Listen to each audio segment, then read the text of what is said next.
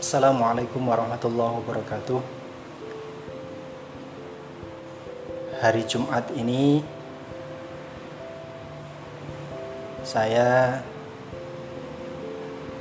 menyimak khutbah yang disampaikan di masjid di dekat kantor kami. Alhamdulillah beliau menyampaikan khotib menyampaikan bahwa di akhirat kelak sahabat karib sahabat dekat atau istilah Qur'annya al-akhilla itu bisa saling menuntut bisa saling berdebat bisa saling menyalahkan kecuali pertemanan atau sahabat dekat atau kekasih yang didasari oleh takwa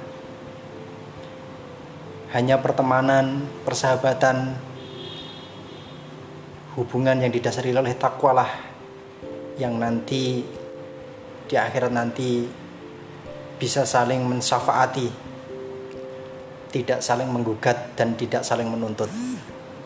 Semoga kita bisa menemukan teman-teman yang baik yang kelak bisa saling mensafaati, bisa saling menolong apabila tidak menemukan satu teman yang dulu bersama-sama dalam kebaikan, sama-sama berjuang dalam takwa, maka teman yang lain akan mencari dan